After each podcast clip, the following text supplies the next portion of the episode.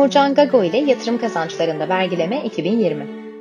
2020 Ekim ayında yapılan bu kayıtta genel bilgi vermek amacıyla ve kayıt tarihi itibariyle yürürlükte olan kural, oran ve tutarları dikkate alıyoruz. Bu podcast'i dinlediğiniz tarihe dek mevzuatta veya mevzuatın yorumunda değişiklikler olmuş olabilir. Vergisel pozisyonunuzu salt bu podcast'a dayanarak değil, vergi danışmanınıza başvurarak belirlemenizi önemli tavsiye ederiz. Yatırım kararlarınız içinse yatırım danışmanlarınıza danışınız. Bu podcast'e dayanılarak test edilen işlemlere ilişkin olarak PwC, ortakları veya çalışanlarına herhangi bir sorumluluk atfedilemez.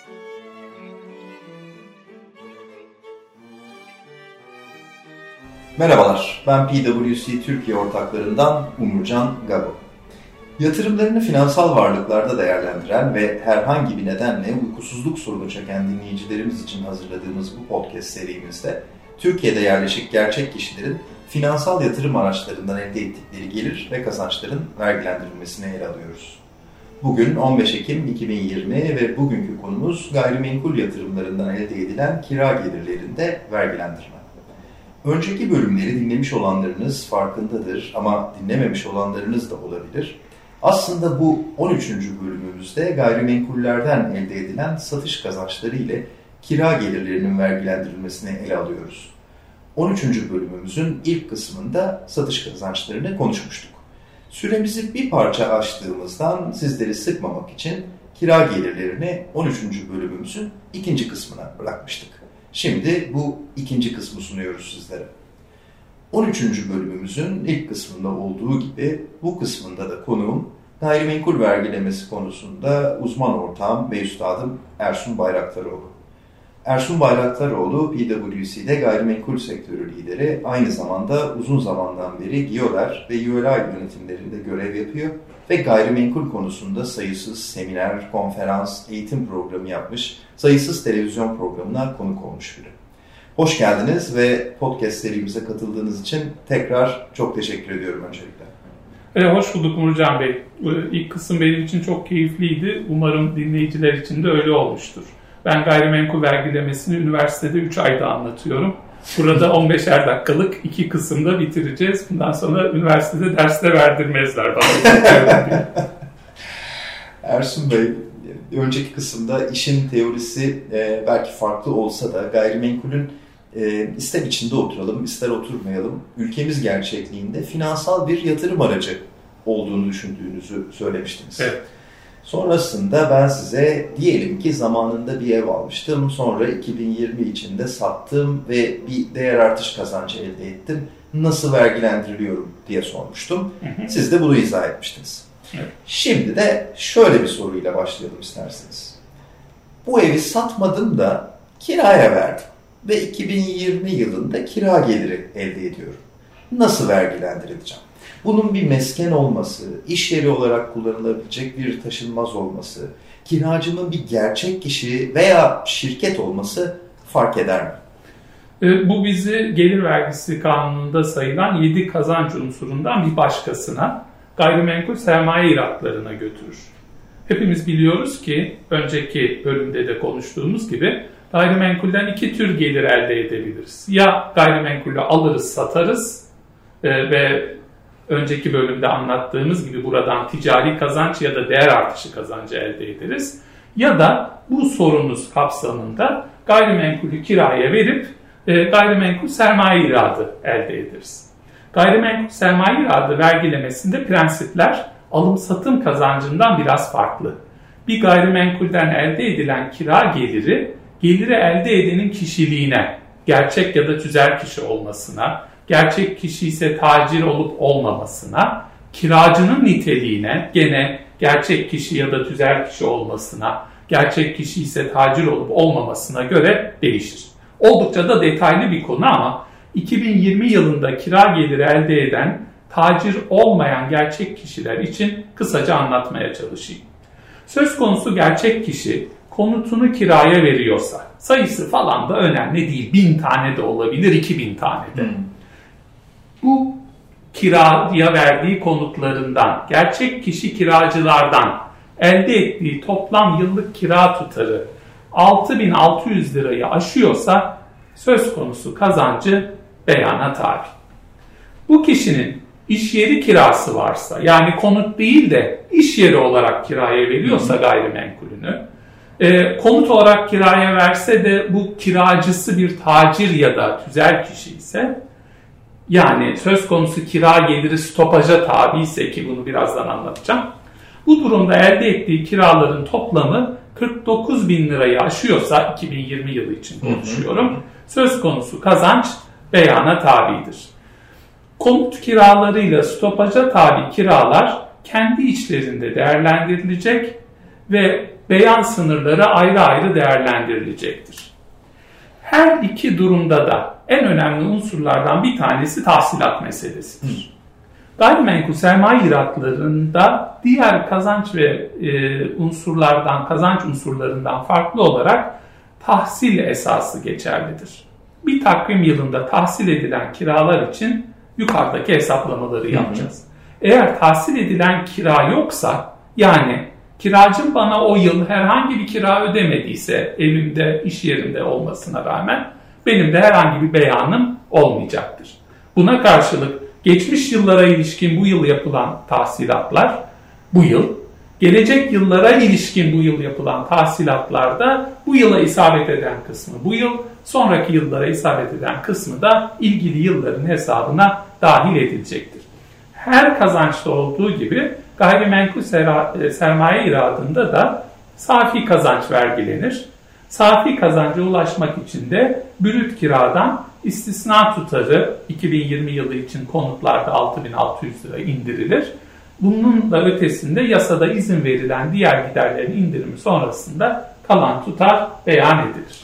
Çok teşekkürler. Bu arada e, tabii dinleyicilerimiz e, göremiyorlar doğal olarak ama penceremize bir martı kondu. Evet. Öyle zannediyorum ki kendisinin gayrimenkul yatırımları var. Alım evet. satım tarafında e, ilgilenmemişti. Kirada kira geldi. geldi. Dolayısıyla evet. kira gelir elde eden bir e, martıdan bahsediyoruz. Peki.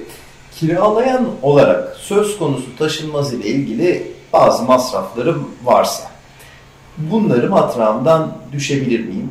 Bunları belgelendirmem gerekiyor mu ve hangi tip giderleri düşebilirim?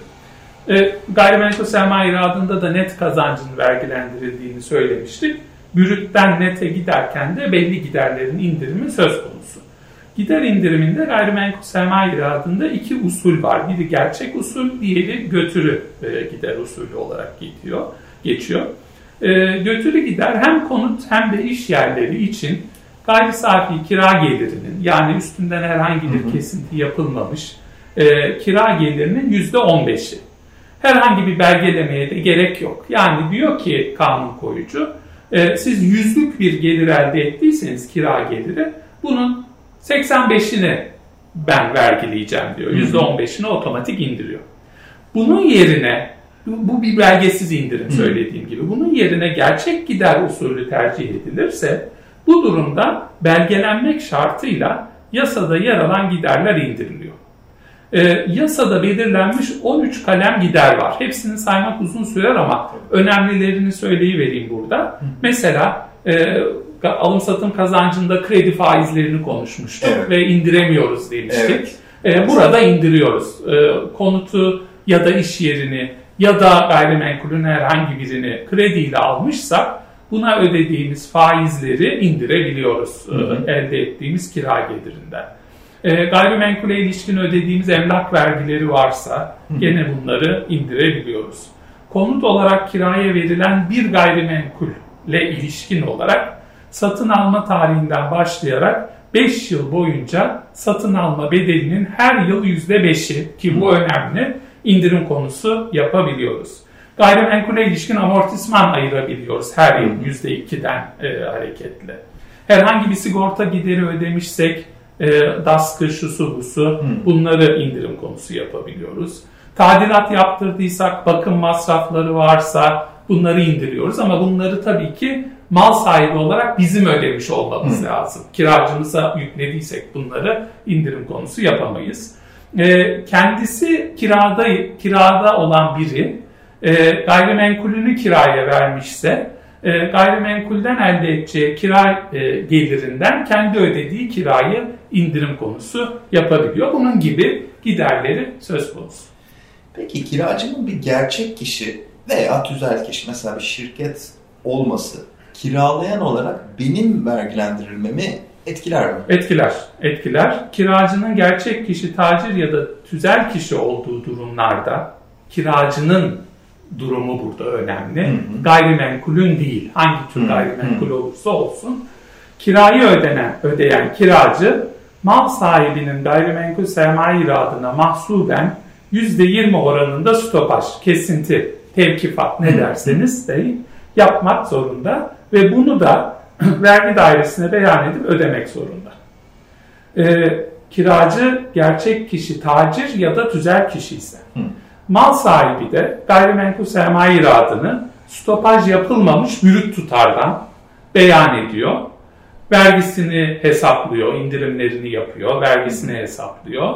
Sonra çıkan vergiden kiracısının kendi adına ödediği vergileri beyanname üstünde mahsup ediyor ve bakiyeyi ödüyor. Dolayısıyla hmm. eğer kiracısı gerçek kişi tacir ya da tüzel kişi olan dinleyicilerimiz varsa kendisinden yapılan stopaja ilişkin e, ödeme belgelerini talep etmesinde yarar var. Peki kiraya verdiğim taşınmazın yurt dışında olması Türkiye'de gelir vergilemesi açısından durumumu nasıl etkiler? Hiçbir değişiklik yok Umurcan Bey. Türkiye'de mukim bir gerçek kişi tüm dünyadaki gelirlerini Türkiye'de beyan etmek zorunda. Siz podcastlerin ilk bölümlerinde evet. bunları anlatmıştınız. E, gayrimenkul için de geçerli. Gayrimenkul ülkeye bağlı bir varlık olduğundan aslında gayrimenkulün bulunduğu ülkede bu varlık üzerinden gelir vergisi benzeri bir vergi de ödenmiş olabilir. Atıyorum Portekiz'de bir konut var kiraya verdim. Portekiz devleti tabii ki bu konutun kirasından orada bir vergi alacak benden. Ee, ben Türkiye'de e, yasada belirlenmiş şartlarda bu yurt dışında ödediğim vergiyi tevsik etmek şartıyla yurt dışında ödediğim vergileri buradaki vergimden mahsup ediyorum.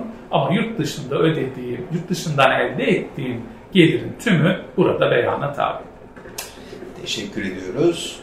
Şimdi size daha zor bir soru sormak istiyorum. Gayrimenkul yatırımı yapmak istiyorum diyelim.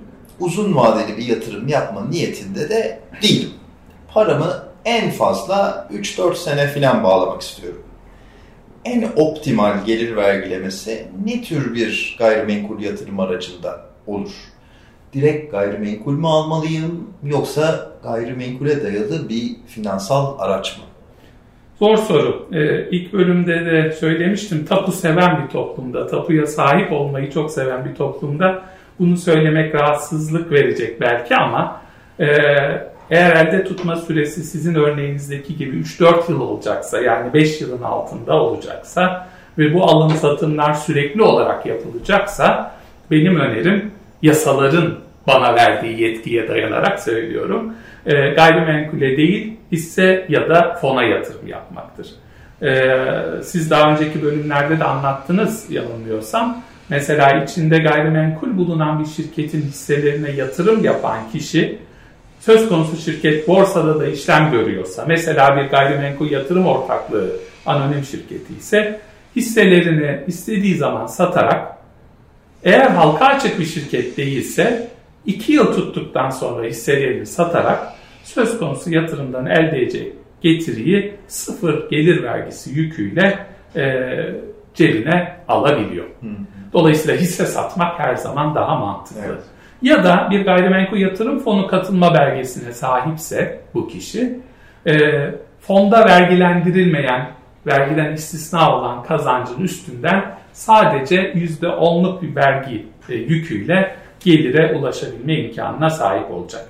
Her iki durumda da burada söz etmediğimiz ve alıcıyla satıcının ayrı ayrı ödemek zorunda olduğu %2'den toplam %4'lük tapu harcı ve nihai tüketicinin üstünde kalan %18, 8 ya da %1'lik KDV avantajı da ayrıca yukarıda söylediğimiz gelir vergisi avantajının üstüne koyulunca e, çok daha mantıklı gibi geliyor hisseye ya da fona yatırım yapmak gayrimenkul yerine. Peki, çok teşekkürler Ersun Bey. Yavaş yavaş süremizin sonuna geliyoruz artık.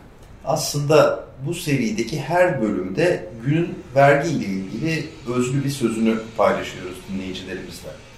Dolayısıyla sizden son ricam şu. Vergi ile ilgili olarak en beğendiğiniz söz kimin sözüdür ve neden? 33-34 ee, yıllık bir vergici olarak bir üstadımın Allah selametini versin Şefik Çakmak üstadımın çok sevdiğim bir sözünü söyleyeyim o zaman ben dinleyicilerimize. Üstad derdi ki yanlışın doğrusu olmaz. Meslek hayatımın ilk bölümünde duymuştum bu sözü ve yıllar geçtikçe ne kadar doğru olduğunu çok iyi anladım. Çok karmaşık, gri alanı çok ve tartışmalı olan vergi mevzuatında amaç yanlış yapmamak olmalı. Eğer bir hata, bir yanlışlık yapılırsa bunun düzeltilmesi çoğu zaman maliyetsiz olmuyor, bazen mümkün de değil. Onun için benim mesleki düsturumdur. Yanlış yapmamak, doğruyu yapmak için araştırmak, danışmak gerekir. Çünkü yanlışın doğrusu olmaz. Yanlışın doğrusu olmaz. Çok teşekkürler Ersun Bey. Efendim böylece bu podcast serimizin 13. bölümünün ikinci kısmının da sonuna gelmiş bulunuyoruz. Uykuya dalmadan buraya kadar gelmiş olduğunuz için özür diliyorum. Bir sonraki bölümde buluşuncaya kadar keyifli, sağlıklı, bol kazanç ve az vergili günler diliyorum.